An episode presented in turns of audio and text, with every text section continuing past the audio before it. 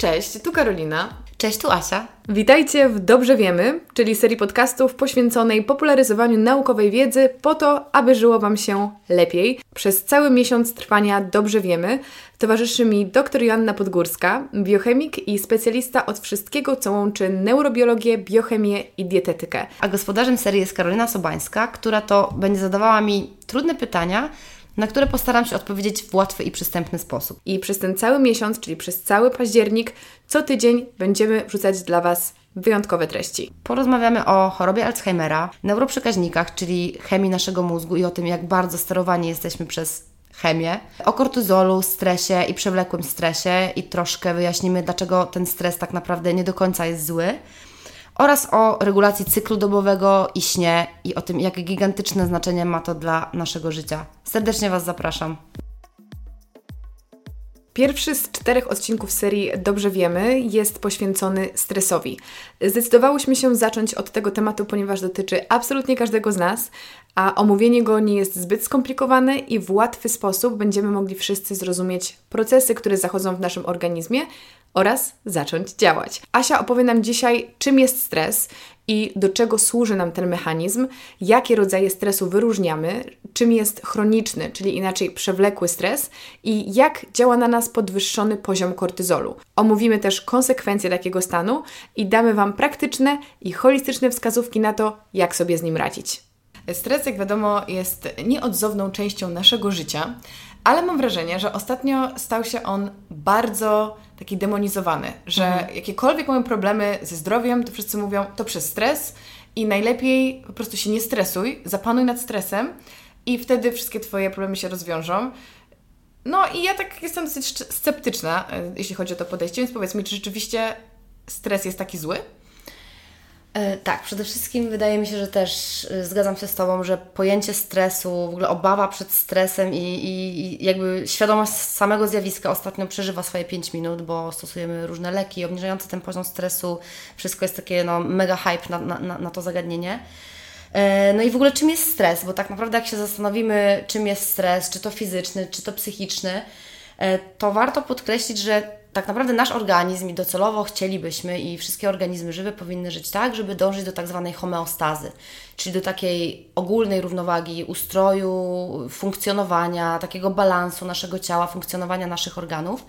I stres jest niczym innym jak po prostu pojawieniem się jakiegoś bodźca, czy to z zewnątrz, czy to wewnątrz naszego organizmu, który tą homeostazę będzie zaburzał. E, I rzeczywiście jest też tak, że i to jeszcze takie zagadnienia e, psychologiczne, pozwoliły wyróżnić nam takie trzy typy stresu, bo też wszystko w zależności jak my na ten stres reagujemy. Y, I wyróżniono dystres, czyli stres taki negatywny, stres, który negatywny w takim, w takim e, znaczeniu, że jest to stres, który trochę nas paraliżuje do działania. Pojawia się jakiś bodziec, który e, no, bardzo mocno aktywuje nas, tak jakby w, u, u, nasz układ nerwowy. E, I często mówi się, że ta, ten rodzaj stresu związany jest z takimi osobami, które nie do końca radzą sobie z, z interpretacją sytuacji albo są na przykład mhm. nadwrażliwe. Okay. Ale też przykład takiej sytuacji? No, stres na przykład przed egzaminem, powiedzmy, mhm. czyli właśnie dla kogoś to może być dystres, czyli totalnie nas będzie paraliżował przed wykonaniem jakiegoś zadania, przed skupieniem się. Czyli blokada kompletna. Totalnie, a dla kogoś to może być eustres. Eustres, czyli stres pozytywny. Mhm. Ten sam bodziec zadziała na mnie w taki sposób, że mnie to zmotywuje do działania, kurczę, skoczy mi ciśnienie krwi, neuroprzekaźniki, wpłynie to na mój mózg i będzie to działało pozytywnie. No, ja na przykład jestem osobą, na którą stres raczej działa negatywnie, to znaczy okay. bardziej mnie to paraliżuje. Mhm. I tak miałaś też w szkole? E, I tak miałam też w szkole i tak pamiętam e, obronę mojej pracy doktorskiej, kiedy zapytałam na koniec staty, czy, po jakim, w jakim języku ja w ogóle mówiłam. Nie byłam pewna. Byłam tak zestresowana, że patrzyłam się tylko w jeden punkt. Jakby leciałam na tym swoim flow, ale wiem, że ten stres mnie z jednej strony może napędzał, bo później miałam taki odbiór, że super, po prostu e, mega flow w tym, co mówiłam i jakby, że, że czułam temat, powiedzmy, natomiast mi wydawało się to kompletny bełkot. Byłam odcięta od głowy, mm -hmm, więc mm -hmm. dla mnie ewidentnie był to dystres. No ale to też... powiem Ci, że serdecznie Ciebie słowo, ja mam mhm. zupełnie odwrotnie. A widzisz? Stresowałam się całe życie bardzo Mhm. i każde wystąpienie, nawet wystąpienie, wiesz, nawet podniesienie ręki w szkole, to było, że ja miałam zawał w moim e, przekonaniu, Mhm. ale w momencie, w którym zaczynałam już mówić, to po prostu Puszczało. jakbym leżała na plaży i wszyscy mówili do mnie, ej, czemu ty się nie stresujesz, czemu tak ci to lekko przychodzi? A ja mówię, co ty, ja w środku to się maksymalnie gotowałam, ale jednak widać to motywowało Mhm. mój organizm. Wiadomo, oczywiście między tym eustresem czy tym dystresem, wiesz, to jest tak jak w przypadku, nie wiem, trzech sylwetek ludzi, tak? Jest, jest zawsze jakieś wartości pomiędzy, natomiast jakby wyróżnia się coś, co Cię będzie bardzo pozytywnie jakoś mobilizować, coś, co trochę paraliżuje. I jest też y, neustres, czyli jakby taki właśnie tutaj bodziec, który dla Ciebie może być bardzo stresujący, dla mnie będzie obojętny, czyli po pierwsze jest to, jak my interpretujemy ten stres, bo dla każdego ten bodziec może być inny. E, więc jakby zaburzenie naszej równowagi, w zależności już od tego, czy to nas zmobilizuje, czy nas, czy nas to w cudzysłowie kolokwialnie sparaliżuje. Natomiast wiadomo, że y, i to już lata 50. ubiegłego wieku, kiedy mm, sporo badań w tym kontekście było podejmowanych y, w kontekście kortyzolu, stresu, w ogóle, w ogóle reakcji stresowej, no wykazało, że tak naprawdę bez stresu nie byłoby życia. Dlatego, że y, stres jest po prostu niezbędny, o czym zaraz powiem, jeżeli chodzi o takie kaskady przemian, co się dzieje w naszym organizmie, ale też dzisiaj coraz częściej się mówi o istnieniu tak zwanego zjawiska hormezy. Nie wiem, czy, czy Nie wiesz. nigdy. Hormeza to jest po prostu taki jakby, to jest taki stan organizmu, kiedy działamy pewnym stresorem, normalnie w warunkach takich fizjologicznych uznajemy to za stresor, czyli na przykład zimna, tem- zimna y, temperatura, wysoka temperatura, jakieś szoki cieplne, czy nawet głód, o którym dosyć często gadamy w kontekście postu, ale działamy, y, działamy na nasz organizm jakby małymi dawkami tego bodźca, tylko po to, żeby organizm wzmo- wzmocnić. I to jest tak zwane zjawisko hormezy, czyli działamy y, jakby microdosingiem, że tak powiem, czyli mm, małą ilością pewnego bodźca, po to, aby organizm wzmocnić, przyzwyczaić, aby organizm miał jakby czas y, na to, żeby się do tego zaadoptować, co koniec końców jakby wychodzi dla nas na lepsze, więc jakby to zjawisko hormezy też jest mocno upakowane w kontekście tego stresu. Natomiast rzeczywiście demonizujemy to i, i stres jest niezbędny. Tak jak mówiłaś na początku, stres jest y, absolutnie zjawiskiem niezbędnym, jest mega atawistyczny, czyli tak naprawdę od, od Pierwotny. pierwotny, od zarania dziejów nam towarzyszył, bo tak naprawdę y, już mówi się często o tak zwanym pojęciu flight or fight, czyli po prostu walcz się lub uciekaj. I to jest rzeczywiście ten stres krótkotrwały, czyli yy, w ogóle wyróżniamy takie dwa systemy biologiczne odpowiedzi na stres, czyli stres, yy, czyli część współczulna naszego układu nerwowego, taka, która ma nas pobudzić, idzie sobie yy, z rdzenia nadnerczy sygnał, wydzielana jest adrenalina i noradrenalina, następuje pobudzenie naszego organizmu, yy, zwiększenie ciśnienia krwi, roz, roztwarcie źrenic, po- poszerzają się nasze oskrzela i to wszystko jest po to, abyśmy my w danym momencie zareagowali na bodziec, nie wiem, uciekli przed zwierzem, czy właśnie. zmobilizowali, tak, to słynne uciekanie przed lwem, czy zmobilizowali się po prostu do, do podjęcia jakiegoś działania. I to dlatego, że wytwarzane katecholaminy, adrenalina i noradrenalina mają za zadanie dostarczyć do krwi szybki wyrzut y, substratów energetycznych, czyli po pierwsze degradują nam tłuszcz na kwasy tłuszczowe i glicerol. Pyk, mamy zastrzyk energetyczny. Rozwalają nam kolokwialnie glikogen na glukozę, żebyśmy mieli szybkie źródło cukru. To samo dzieje się z aminokwasami, czyli aminokw- y, z białkami. Białka, które mamy w, w organizmie, na przykład po zjedzeniu lub też o czym zaraz powiemy w chronicznym stresie, nasze białka mięśniowe są degradowane na aminokwasy i to wszystko dzieje się po to, żeby szybko zadziałać. I to jest ta szybka odpowiedź na, na stresor. Natomiast w tej odpowiedzi jakby przeciągającej się, która również jakby nie musi być związana jeszcze z takim przewlekłym stresem, ale tutaj już mówimy o tej odpowiedzi drugiego rzędu, kiedy już ten bodziec musi trochę trwać, wtedy uaktywnia się tak zwany układ HPA, czyli podzgórze przysadka nadnercza. Też dosyć często ostatnio o tym się słyszy właśnie, że deregulacja y, osi HPA ma tutaj znaczenie dla, dla stres, dla, dla zdrowia, dla ym, dysbalansu. I tutaj mamy już do czynienia y, z, wyt- po pierwsze, bodziec musi trwać dłużej. Po drugie, tutaj wchodzi już taki główny gracz kortyzol. Kortyzol, czyli hormon, który produkowany jest przez korę nadnerczy. Y, I jest to hormon zaklasyfikowany, powiem o tym tylko dlatego, żeby rozumieć jakby mechanizm działania. Mówi się, że to jest glikokortykoid albo glukokortykoid, dlatego że już sama nazwa wskazuje, jest on związany z metabolizmem glukozy. Kortyzol niesamowicie reguluje glikemię, reguluje poziom glukozy, również wpływa na to, że glikogen po prostu degradowany jest na tą glukozę i dostarcza nam e, tego sygnału, e, wiesz, energetycznego. No i wszystko jest, jest fajnie, jeśli ten stres działa krótkotrwało. Czy kiedy rzeczywiście masz tą bombę e, energetyczną, jakby od organizmu dostajesz ten bodziec i działasz. Ale poczekaj, czyli jeżeli mamy ten pierwszy rodzaj stresu, to jest sytuacja zazwyczaj jednorazowa. Czyli na przykład mamy jakąś stresującą sytuację na drodze, tak? I musimy szybko zareagować, mamy ten y, wyrzut Tak. adrenaliny, radzimy sobie ze sytu- z sytuacją, koniec. Druga sytuacja może być taka, że to jest jakiś dłuższy moment, Dokładnie. na przykład sesja, tak? Tak, dokładnie tak, albo na przykład coś się przeciąga w pracy, nie wiem, mamy jakiś deadline, to bardziej mówimy o tym, że kortyzol po prostu jakby ciężko wskazać też takie ramy, bo to różnie się Tak, mówi w różnych źródłach, ale mówi się, że po kilku, już kilkunastu minutach po godzinie wkracza Mhm. kortyzol. No jakby, że pierwszym naszym tym rzutem na dzień dobry jest adrenalina i noradrenalina. E, No i właśnie, i, i to jest fajnie i rzeczywiście to zjawisko, tak bardzo chcę to podkreślać, żeby nie demonizować tego, bo bez stresu, no wyobraźmy sobie, bylibyśmy takimi, no mimozy takie, po prostu chodzi o to, że dokładnie tak, nie bylibyśmy w stanie podjąć jakiegoś działania, nie bylibyśmy też aktywni, no nie ma tej adrenaliny, noradrenaliny, to są przecież też neuroprzekaźniki, które związane są chociażby z dopaminą, więc to wszystko są naczynia połączone.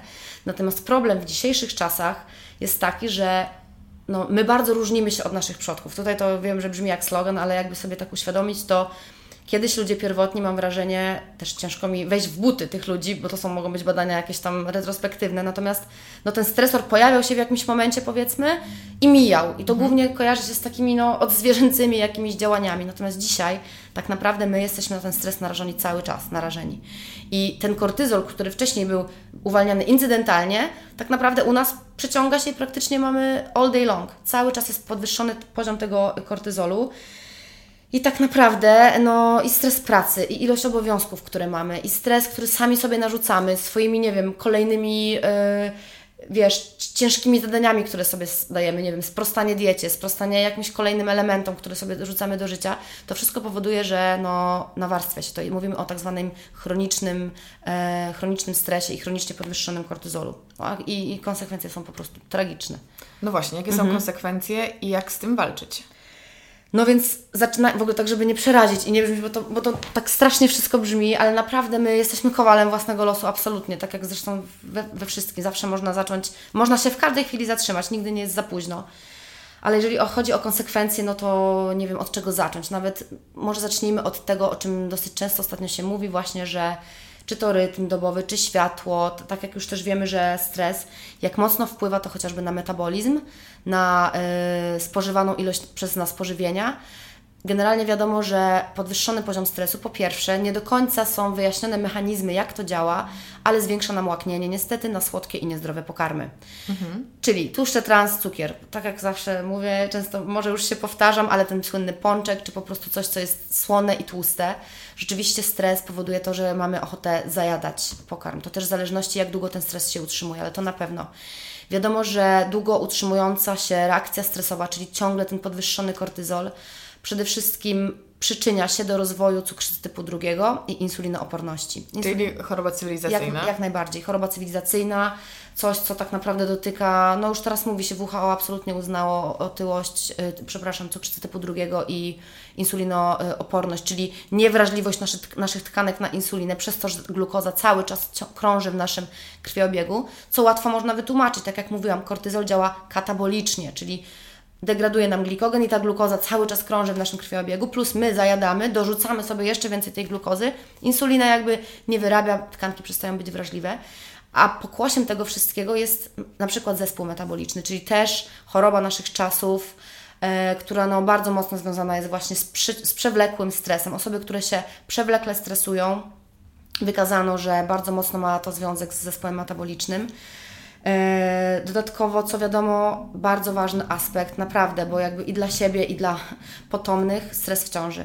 Wykazano, że kobiety, które stresują się w ciąży lub nawet jeszcze przed, więc niesamowicie ważna jest ta predykcja, że jeżeli już wiemy, że planujemy dziecko, to warto jest zadbać o to różnymi sposobami, o których pewnie później powiemy, o to, aby ten stres zniwelować, dlatego że wykazano, badania wykazały, że stresująca się matka, obecność stresu i hormonu, jakim jest kortyzol w krwi, powoduje, że estrogeny, które normalnie są e, obecne w krwi matki, działają tak ochronnie na płód, na łożysko, powodują, że tego ochronnego efektu nie ma, wobec czego mogą pojawiać się różne wady rozwojowe płodu. Dodatkowo wykazano, że dzieci matek, które przewlekłe się stresowały, kiedy ten stres był no taki chroniczny i, i długotrwale pod, yy, po prostu długotrwały, wykazano, że takie osoby częściej w, w przyszłości mają podwyższony poziom tych glikokortykoidów, czyli właśnie kortyzolu i na przykład zapadają na zespół metaboliczny, czyli te mhm. choroby związane z otyłością, z cukrzycą, yy, z dyslipidemią, więc bardzo mocno jest to wszystko ze sobą połączone. Dodatkowo to jest strasznie ważne zagadnienie, o czym też chyba wydaje mi się zapominamy, jak mocno kortyzol, czyli ten, ten hormon stresu, glukokortykoid, połączony jest z hormonami płciowymi, z hormonami i z testosteronem, i z progesteronem. Dlatego, że warto wiedzieć, i tutaj chciałabym tak podkreślić naszym słuchaczom, żeby przede wszystkim nie bać się cholesterolu. Dlatego, że cholesterol to prekursor w kaskadzie y, hormonów steroidowych, jakby od niego wszystko się zaczyna. Z cholesterolu wytwarza nam się taki hormon, tutaj tylko tak powiem, może gdzieś ta nazwa zostanie w pamięci, pregnenolon, który jest, tak naprawdę mówi się, ojcem wszystkich hormonów. I z tego pregnenolonu później powstaje progesteron, powstaje dihydroepiandrosteron i testosteron. Jakby chodzi mi o to, że to wszystko jest jedna kaskada przemian. I teraz jeżeli nasz organizm jest cały czas zestresowany, zajmuje się produkcją hormonów stresu, a kortyzol jest jakby w tej samej kaskadzie przemian, to nie będzie wytwarzał hormonów płciowych, bo po prostu jakby te zdolności adaptacyjne organizmu są wyczerpalne i nasz organizm postawi, ok, my musimy się rozmnażać, my musimy wytwarzać hormony płciowe, my musimy wytwarzać w przypadku kobiet progesteron i estradiol, w przypadku mężczyzn testosteron, u kobiet też jest ten testosteron wytwarzany, warto pamiętać. Natomiast tutaj organizm zawsze jakby będzie to na niekorzyść hormonów płciowych, jeżeli kortyzol będzie cały czas podwyższony. I właśnie bardzo często obserwuje się u dziewczyn, które są na dietach bardzo ubogokalorycznych, czy tak zwana triada sportsmenek. Jest to takie zjawisko występujące u osób, które bardzo dużo trenują, dodatkowo są na ujemnym, ciągle ujemnym bilansie kalorycznym, który dodatkowo ten kortyzol nam podkręca. Tam obserwuje się zaburzenia miesiączkowania, bo po prostu te hormony płciowe nie mają się z czego tworzyć. Oprócz tego zaburzenia y, i takie stany nawet osteoporoty, osteo, związane z osteoporozą, ponieważ wiadomo, że ciągle podwyższony kortyzol e, zaburza produkcję kolagenu, wpływa bardzo na, e, na e, utrzymanie prawidłowej gospodarki wapniowej, więc te elementy, ta triada sportsmenek związana jest właśnie z podwyższonym poziomem kortyzolu. Oprócz tego też panowie tego może nie wiedzą, ale warto zwrócić na to uwagę, że osoba, która się cały czas stresuje, po pierwsze będzie miała niski poziom y, testosteronu, bo jak, tak jak mówię, te hormony biją się o miejsce. Jeżeli wytwarzamy kortyzolu bardzo dużo, to testosteronu wytwarza się mniej, albo nawet jeśli się wytwarza ten testosteron, to one rywalizują ze sobą o receptor, więc jakby ta walka jest zażarta niesamowicie. Yy, I co więcej, na siłowni no po prostu nie zbudujemy nic dobrego, nie zbudujemy masy mięśniowej, jeżeli będziemy się cały czas stresować, dlatego że po pierwsze kortyzol działa katabolicznie, czyli degraduje nam włókna mięśniowe, bo degraduje nam białko. Po drugie, będzie nam e, ten kortyzol uniemożliwiał produkowanie testosteronu. Więc to są takie zagadnienia w dobie, wiesz, dzisiejszej takiego hypu na sylwetkę i, mhm. i, i trenowanie. Warto sobie zdać sprawę, że jeżeli my nie mamy tego balansu, to nic nie da nam to zajeżdżanie się na siłowni, jeżeli będziemy mieli cały czas podwyższony ten kortyzol ale też jest e, ciekawe, bo mówi się, że osoby, które na przykład chcą schudnąć, mhm. ale za bardzo się stresują tym, że nie chudną, tak, tak, tak. po prostu blokują Dokładnie to sobie, tak. jest takie błędne koło. Tak, często jest tak, że tak bardzo skupiamy się na tym, że chcemy schudnąć albo że wyliczamy te kalorie. Ja sama naprawdę wiem to po sobie, mogę tutaj się wszystkim przyznać, że jeżeli był moment, w którym bardzo dużo trenowałam, a trenowałam 6 razy w tygodniu crossfit, po prostu choćby mnie nogi piekły z bólu. To był dla mnie jakiś taki element mojego dnia i po prostu naprawdę no, zajeżdżałam się na tych treningach. Plus jakby myślę, że nie dojadałam też, bo mimo że jadłam dosyć większe podaże kalorii niż teraz, to przepalałam to wszystko na treningu i tak naprawdę czułam się taka opuchnięta, podlana okay. wodą, bo warto wiedzieć, że podwyższony kortyzol zatrzymuje nam też sód w organizmie. Czyli często jest tak, że osoby są szczupłe, tak zwany skinny fat też trochę, mm -hmm. bo są szczupłe, trzymają w cudzysłowie tą michę, ale podlewają się wodą właśnie z tego względu, że kortyzol zatrzymuje też wodę. Tu mi się przypomniała rzecz, o której bardzo chciałabym bym powiedzieć, wiesz, w kontekście otyłych panów z brzuszkiem, to znaczy mhm. otyłych, na zasadzie Chodzi o tą otyłość trzewną? Dokładnie tak. Mówiłyśmy o tym przy naszym podcaście, gdy mówiliśmy tam o postach, o stresie. Na przykład objawia się to zespołem, jest taka choroba, to już jest sta, cały stan e, taki patologiczny organizmu, zespół Cushinga, kiedy mamy chronicznie podwyższony poziom tych glikokortykosteroidów i właśnie mamy takie ścięczenie kończyn, chudziutkie palce, okrągłą buzię, natomiast bardzo jakby wydatny brzuch i tą otyłość trzewną, czyli gromadzenie się tłuszczu głównie tutaj w obrębie jamy brzusznej. Tak jakby to jest zespół y, chorobowy, natomiast często spotykamy się z tym, że panowie, który, którzy są bardzo mocno, i bardzo mocno zestresowani, tak, i żyją szybkim trybem, y, jakoś częściej mają tendencję do gromadzenia tej tkanki tłuszczowej w okolicy brzucha, tak zwana ta otyłość trze, trze, trzewna. I badania wykazują, że im więcej tkanki tłuszczowej na brzuchu, tym mniej testosteronu. Mhm. I tak naprawdę podwyższony kortyzol wpływa też na to, że po pierwsze mamy mniej lipazy, która jakby degraduje nam ten tłuszcz, więc my będziemy zbierać tą tkankę tłuszczową w okolicach brzucha i wykazano, że właśnie mężczyźni z większym tym brzuchem, z tym nawet mówimy kolokwialnie tym piwnym brzuszkiem, ale z tym większym tłuszczem w okolicach jamy, yy, jamy brzusznej, mają niższy poziom testosteronu, dlatego że działa u nich aromataza, czyli hormon, który zmienia testosteron w estradiol i w estrogeny. Czyli u nich tak naprawdę dochodzi do konwersji hormonów męskich na kobiece.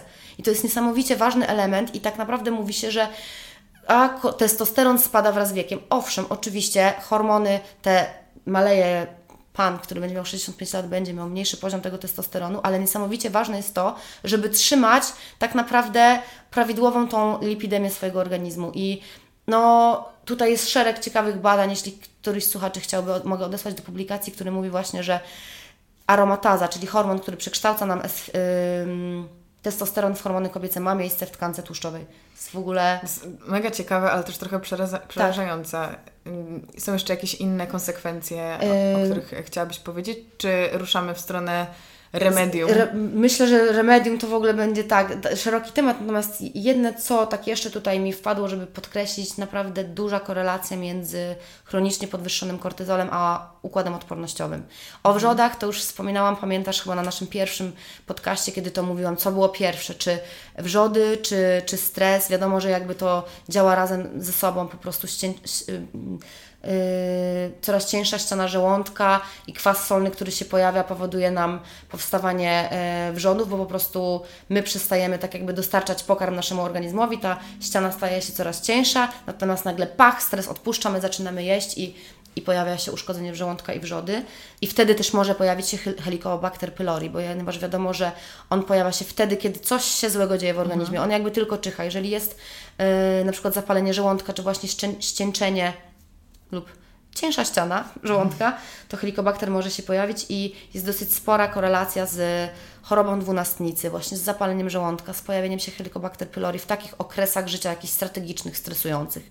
Też ważne, żeby zdać sobie sprawę, że kiedy mamy stresujący moment, nie dorzucajmy sobie kolejnych elementów, czyli na przykład jeśli rozmawiam z kimś o przejściu na radykalną dietę, na przykład na dietę ketogeniczną, której jak wiesz, jakby jestem zwolennikiem diety wysokotłuszczowej, ale też w pewnych momentach życia. Jeżeli wiemy, że mamy stresujący moment, czeka nas, nie wiem, jakaś przeprowadzka, jakiś egzamin, jakaś dosyć radykalna zmiana w życiu, to nie dorzucajmy sobie tego, bo naprawdę odbije się to, tak jak widzisz, na tych wszystkich elementach, a dla kobiet najmocniej odczuwalne absolutnie są zmiany hormonalne i te związane z kośćcem. I tutaj to się ciągnie później po prostu latami. No i kurczę, mój konik, no muszę powiedzieć chyba o tym wszystkim, co się dzieje z naszą głową, bo tak naprawdę od głowy to w ogóle mam wrażenie, że wszystko się zaczyna, czyli od głowy zaczyna się trochę nasz stres i wiedzmy, że do głowy też to tak naprawdę wszystko wraca, bo po pierwsze wiadomo, y, że podwyższony chronicznie stres działa absolutnie niekorzystnie na całą równowagę, jeśli chodzi o neuroprzekaźniki. Nie ma neuroprzekaźnika, którego jakby nie dotknęło to, że ten kortyzol jest podwyższony przez długi, długi czas.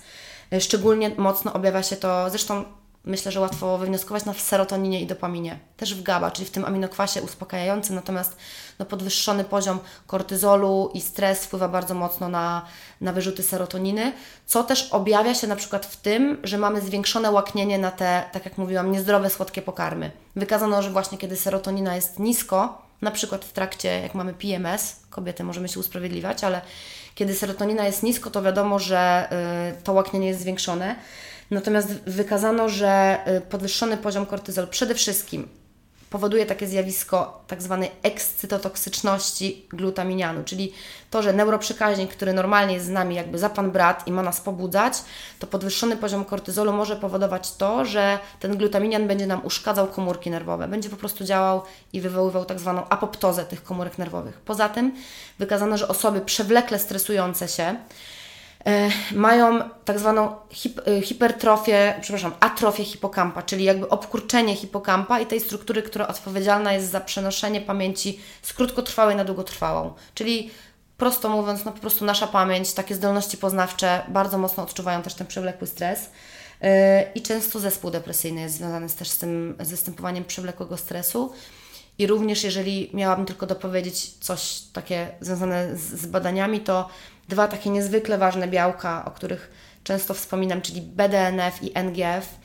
Białka, które są niesamowicie związane, niesamowicie mocno związane z neurogenezą, czyli z odtwarzaniem się. Już teraz wiemy, że neurony się odtwarzają w jakimś stopniu, z odtwarzaniem się neuronów, z tworzeniem nowych sieci y, neuronalnych, ze zdolnością synaptyczną, również dostają jakby za swoje wtedy, kiedy ten kortyzol i stres jest chronicznie podwyższony. Czyli tak naprawdę no chyba nie ma elementu w naszym organizmie, który by nie był dotknięty, tylko podkreślam tym chronicznym stresem. Tak, ja mam wrażenie, że mam trochę przerażenie w oczach i mam nadzieję, że nasi słuchacze nie są aż tak bardzo teraz zatroskani, bo wiedzą, że Możemy... jest na to jakiś tak, tam sposób. Tak, ja w ogóle tak. dostaję często pytania, jak sobie radzić ze stresem, w sensie, czy mam jakieś swoje sposoby.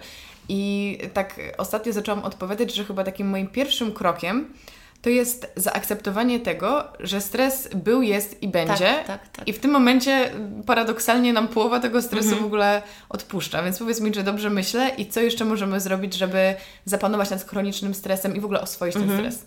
Przede wszystkim, i też wiem, że zabrzmi to tak, no znowu jakiś slogan i już tak to powtarzamy i wtłaczamy, ale niesamowicie ważne jest to i myślę, że o tym trochę szerzej i więcej powiemy przy kolejnym spotkaniu, ale to, aby funkcjonować zgodnie ze swoim cyklem dobowym, dlatego że naprawdę dysregulacja, tak jak mówiłam, o, wróćmy do, do, do naszego początku. Stres jest zaburzeniem homeostazy, czyli zaburzeniem tej równowagi organizmu i my, jako wszystkie istoty żywe, naprawdę dążymy do tej równowagi, do tego balansu.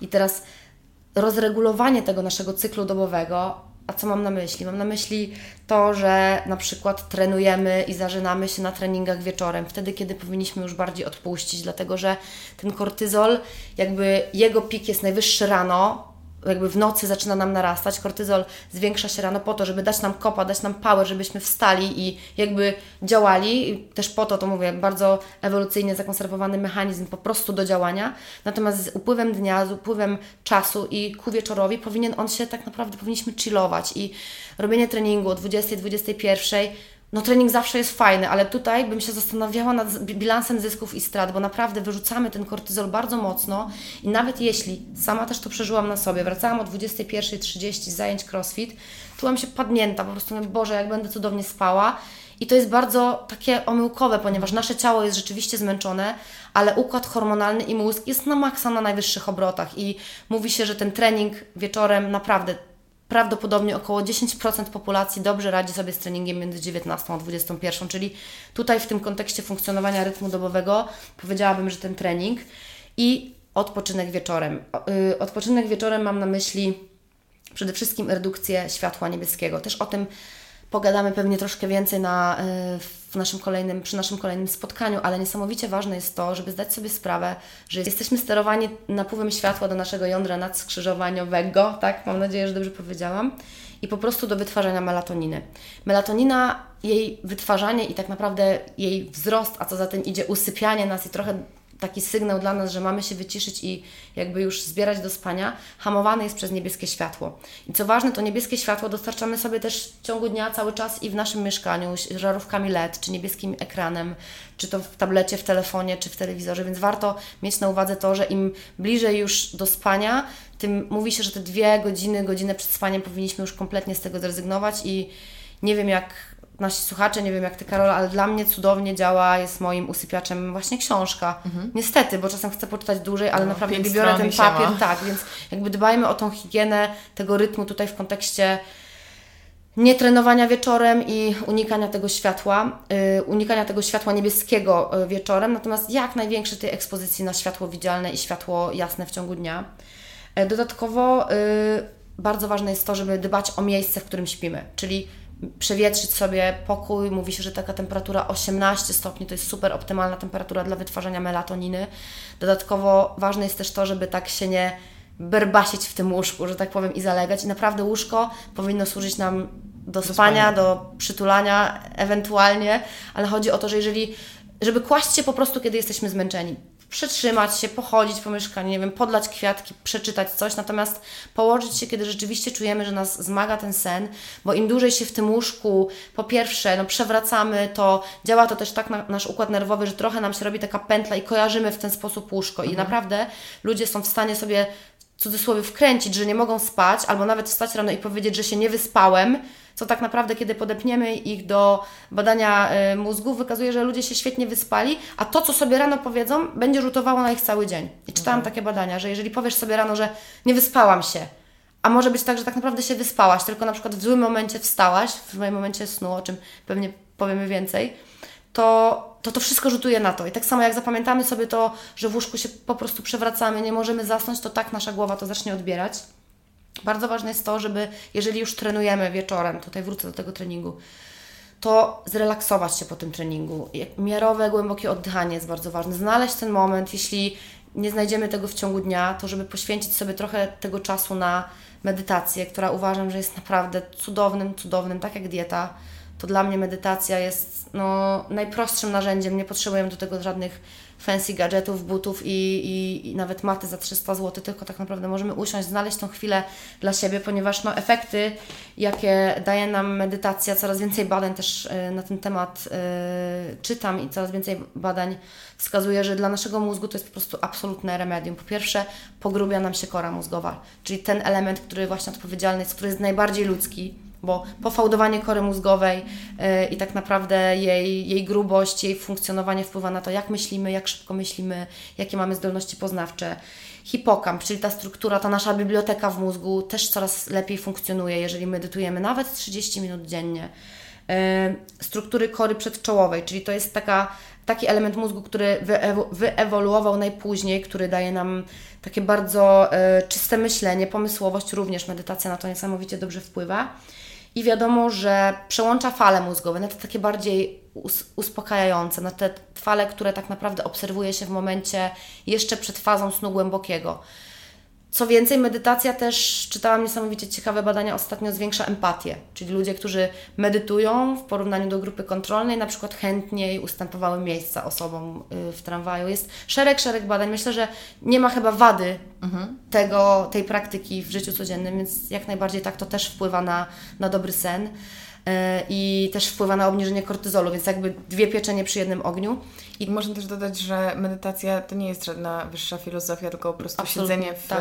ciszy i tak, spokoju tak, i staranie tak. się skupić na oddechu lub najlepiej na niczym. Dokładnie. I nie musimy tutaj stosować... Nie ma żadnej tutaj głębszej tak. Możemy to robić z aplikacją, teraz te, te Calm i te wszystkie inne, jakby ja przyznam szczerze, że ja tego nie stosuję, bo mnie to tak trochę jakby uważam, że jestem na tyle rozumną istotą, że mogę to zrobić bez, bez tego, że mi ktoś podpowiada. Natomiast rzeczywiście, jeśli ktoś chce sobie śledzić to albo mobilizować się do czasu czy do jakiegoś timeru, jak najbardziej tak. I nawet jeśli nie wiążemy tego z żadną ideologią, typu, nie wiem, e, medytacja zazen, czy, czy jakieś buddyjskie praktyki, czy coś z ayurvedą, nie musimy iść w tą stronę, chociaż mhm. absolutnie propsuję to, tylko żeby znaleźć tą chwilę i nawet nie frustrować się nad tym, że jejku, skupiam się na tej myśli, niech ona będzie, niech ona sobie popłynie, po prostu zaobserwujmy to i puśćmy dalej. I nawet te 15 minut tej walki z tymi myślami, kiedy my myślimy, że rzeczywiście nie udało nam się, to się nam udało. Tak wbrew pozorom próbowaliśmy i to jest najważniejsze. O czym chciałabym jeszcze powiedzieć, chyba z perspektywy dietetycznej, o tym, żeby pilnować w cudzysłowie michy. To znaczy, jeśli, tutaj może wydać się to takie kontrowersyjne z perspektywy tego, że mówię o, o postach i o tym, żeby nie dopuszczać do hipoglikemii. Posty, tak jak pamiętasz, mówiłam o, w kontekście intermittent fasting, czyli okna żywieniowego i w tej, e, tutaj w, w imię autofagi, jak najbardziej tak. Natomiast jeżeli wiemy, że jesteśmy osobami, które się w tym momencie życia bardzo stresują, mamy nasilone te, te, tą reakcję stresową, kortyzol jest utrzymany wysoko, dbajmy o to, żeby nie dopuszczać do hipoglikemii. Mam na myśli to, żeby trzymać ten kortyzol w ryzach, pod tym, w takim znaczeniu, że w momencie, kiedy spada nam insulina, to bardzo mocno wskakuje nam kortyzol. To jest z jednej strony dobre narzędzie i na przykład możemy wykorzystać je rano, stosując, osoby, które chcą schudnąć, stosują tak zwane śniadania białkowo-tłuszczowe mhm. na przykład. Dlatego, że wykorzystują taki efekt tego, że kortyzol rano jest wysoko, więc zjem sobie białko i tłuszcz, czyli coś, co mi w cudzysłowie nie wyrzuci tej insuliny i utrzymam ten efekt kortyzolu rano, czyli efekt, który spala tak naprawdę. I to jest super narzędzie dla osób, które nie są chronicznie zestresowane, ale y, jakby no, żyją sobie, wiesz, taki life balance i to jest dobry, y, dobry element, żeby na przykład mieć y, dłuższą sytość, y, nie mamy hipoglikemii, bo jakby nie skacze nam insulina. Natomiast w takim normalnym dniu, jeżeli wiemy, że się stresujemy, to starajmy nie dopuszczać się do momentu, kiedy nam gwałtownie spadają y, węglowodany we krwi, cukier i dopuszczamy do hipoglikemii, wtedy rośnie nam kortyzol. I tutaj dobrym takim lifehackiem jest to, żeby po prostu jeść węglowodany złożone, czyli takie, które dłużej ten cukier utrzymują we krwi i my nie mamy tego drastycznego dropdownu, jeśli chodzi o glukozę i podwyższenia kortyzolu. I to, no wydaje mi się, ja to u siebie widzę, ja jestem na diecie, na low carbie, generalnie myślę, że już sporo i spory okres czasu i jakby ja się czuję na tym dobrze, bo ja rzeczywiście nie mam tych wahań cukru. Nie spada mi, nie mam, wiesz, drżenia rąk, nie czuję, nie że tak, hangry. nie jestem, tak, właśnie, właśnie nie jestem też taka roz, rozdrażniona. Mój e, syndrom, że jak ja dla odmiany nie zjem e, odpowiedniej porze, to potem po prostu jestem e, roztrzęsiona, mhm. zdenerwowana, mam beznadziejny humor i muszę coś zjeść i to mnie trochę terroryzuje no, momentami. Wiadomo, też mi się to zdarza i nie zawsze jest idealnie, natomiast warto właśnie wiedzieć, żeby jeść te węglowodany o niskim indeksie glikemicznym i na przykład złożone. Ale odwrotna sytuacja jest wtedy, kiedy jesteśmy po treningu, robimy trening i dla treningu, bo też powiem tak króciutko tylko, że kortyzol jest na przykład wskazany na treningu i mhm. bez niego nie mielibyśmy po pierwsze motywacji też takiej do ćwiczeń, musi być ta adrenalina i noradrenalina, noradrenalina to jest połączone i kortyzol, tak jak mówiłam, działa katabolicznie, jeżeli jest chronicznie podwyższony, to rzeczywiście robi nam rozkład białek, dost musi dostarczyć tą glukozę, więc jakby powiedzmy, że degraduje. Ale w trakcie treningu, który on działa jako pik, impuls, trenujemy, my ten kortyzol wyrzucamy jakby incydentalnie. Jest to niesamowicie istotny taki szok i napływ energetyczny dla organizmu. I to jest fajne. Jeżeli trening trwa powiedzmy 30-60 minut, wtedy kortyzol mamy podwyższony i mówi się, że powyżej 60 minut ten kortyzol już powinien spadać. Mhm. Natomiast jeżeli my trenujemy dłużej, to też jest taki, taka rada, że jednak optymalny trening to jest te 60 minut, bo potem już powinien on zacząć spadać to warto sobie po treningu wrzucić właśnie węglowodany proste. Czyli coś, co szybciutko nam ten cukier zaspokoi, uzupełni i wtedy spadnie kortyzol. Czyli to są takie strategie, którymi my możemy sobie manewrować, jak na przykład zbić ten kortyzol yy, po treningu. A powiesz tak super szybko, jakie to będą węglowodany złożone? Yy, wiesz co, pełnoziarnisty chleb, nie wiem, jakieś, yy, jakieś kasze, jakieś mhm. płatki, na przykład możemy zjadać to, nie wiem, przed treningiem. Ja na przykład zawsze chleb na przykład pełnoziarnisty, ciemny, z jakimś tam serem, czy z pomidorem, z warzywami, a po treningu szybko, nie wiem, rodzynki są dobre, mhm. czy banan, generalnie coś, co jest takim szybkim cukrem. I co ważne, naprawdę, nie będzie tych efektów, tak jak tutaj mówiłam w kontekście przetrenowania, wiemy też, że ta woda się gromadzi. Możesz, sama wiem po sobie, naprawdę chętnie odpowiem na jakieś pytania ludzi, ludzi jak się z tym zmagać. Jeśli byłam przetrenowana, to jak, jak czułam, że jakby tych efektów nie ma. Jeżeli jesteśmy przetrenowani, to po prostu chwilowo odpuśćmy. Bo organizm po pierwsze nie będzie budował masy mięśniowej, bo wiadomo, że kortyzol działa na tak zwaną miostatynę. Miostatyna, czyli działa statycznie na mięśnie, miofibryle, więc nie będzie po prostu rozwijała się ta tkanka mięśniowa. Dodatkowo no, robimy sobie całą dysregulację hormonalną, która też ostatecznie nie pozwoli nam zbudować na przykład mięśni. To szczególnie dla kobiet, które trenują sylwetkowo i wpadają trochę w taką pułapkę, jak na przykład triada sportsmenek. Więc to są niezwykle ważne elementy i oczywiście możemy się też wspomóc. Możemy się wspomóc no, dietą, tak jak zawsze mówię, ta dieta przeciwzapalna to jest w ogóle remedium na wszystko, czyli bogata w kwasy omega-3 i 6, dużo ryb, dużo warzyw, nieprzetworzona, po prostu nieprzetworzona, niesłodzona sztucznym cukrem, w ogóle po prostu cukrem, cukrami prostymi, yy, bogata w warzywa, owoce.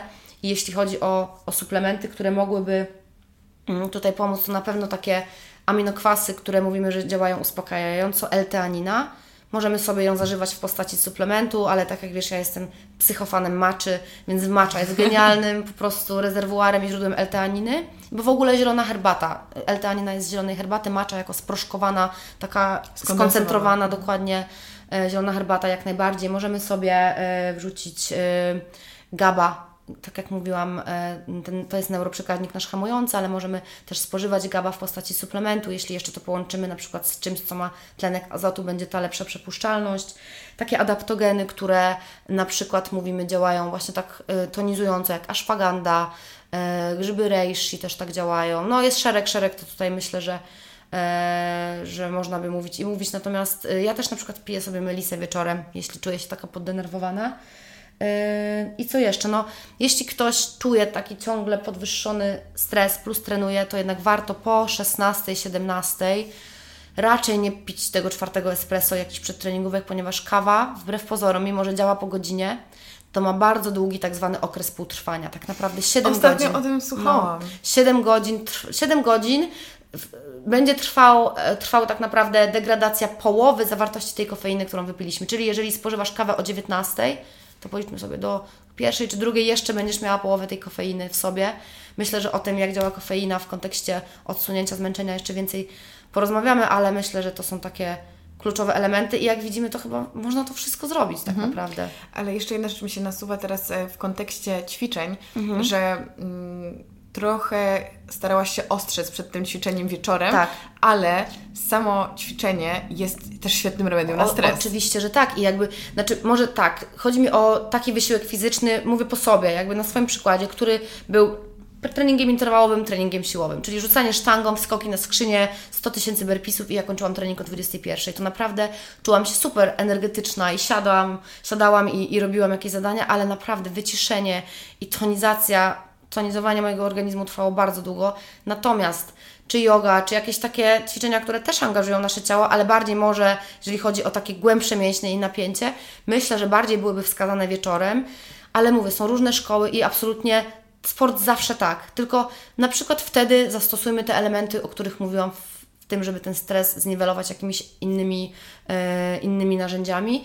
No tylko pamiętajmy, że po prostu może nam się wydawać, że nasze mięśnie pójdą spać, a nasz organizm jednak cały czas tam jeszcze sobie działa, bo ten kortyzol, no on ma nas po prostu wieczorem, jakby jego poziom ma spadać, żeby nas usypiać, a może być trochę odwrotnie. Tak jak powiedziałaś, to te wskazania są całkiem do zrobienia, i nie są to żadne skomplikowane rozwiązania, także mam nadzieję, że wiele osób wyniesie z tego ciekawe wskazówki na to, jak radzić sobie ze stresem, ale przede wszystkim pamiętajmy o tym, że stres nie jest aż taki straszny i każdy z nas, myślę, jest w stanie zorganizować tak swoje życie, żeby móc nad nim zapanować. Także żeby z niego korzystać. Tak, wykorzystać mm. go na swoją korzyść i skorzystać z tego działania motywacyjnego, żeby osiągać jakieś tam swoje cele, ale też wszystko z umiarem. Także mam nadzieję, że ten odcinek był dla Was bardzo wartościowy i zapraszamy też do słuchania kolejnych, które ukazują się w tym miesiącu. Dzięki Asi za rozmowę. Do zobaczenia. Cześć. Pa. Pierwszy odcinek dobrze wiemy za nami. W nadchodzących tygodniach dowiecie się więcej o neuroprzekaźnikach, chorobie Alzheimera oraz śnie i rytmie dobowym. Dziękujemy Wam z Asią z całego serca za to, że wysłuchaliście tego odcinka i przypominamy, że kolejne będą ukazywały się przez cały październik każdy poniedziałek o godzinie 7 rano na dobry początek tygodnia. Czekamy na Wasze opinie, na komentarze. Piszcie do nas na Instagramie zarówno u mnie, jak i u Asi oraz w podcaście Karolina Sobańska Podcast. Niezmiennie na YouTubie możecie zostawiać komentarze i swoje opinie. Jeżeli słuchacie nas na Spotify, nie zapomnijcie zaobserwować podcastu. Tak samo, jeżeli słuchacie nas na iTunesie, tam możecie zostawić mu e, ocenę oraz kilka słów recenzji. Będzie mi bardzo, bardzo miło, bo uważam, że jeżeli mnie podobają się jakieś treści, to chcę, żeby docierały one do szerszego grona odbiorców i mam nadzieję, że też będzie tak w przypadku serii Dobrze Wiemy. Jeśli słuchacie nas i akurat macie przy sobie telefon, róbcie screenshoty, pokazujcie, co robicie, kiedy słuchacie podcastu, tagujcie nas, Dobrze Wiemy, a my słyszymy się z Wami już za tydzień. Do usłyszenia.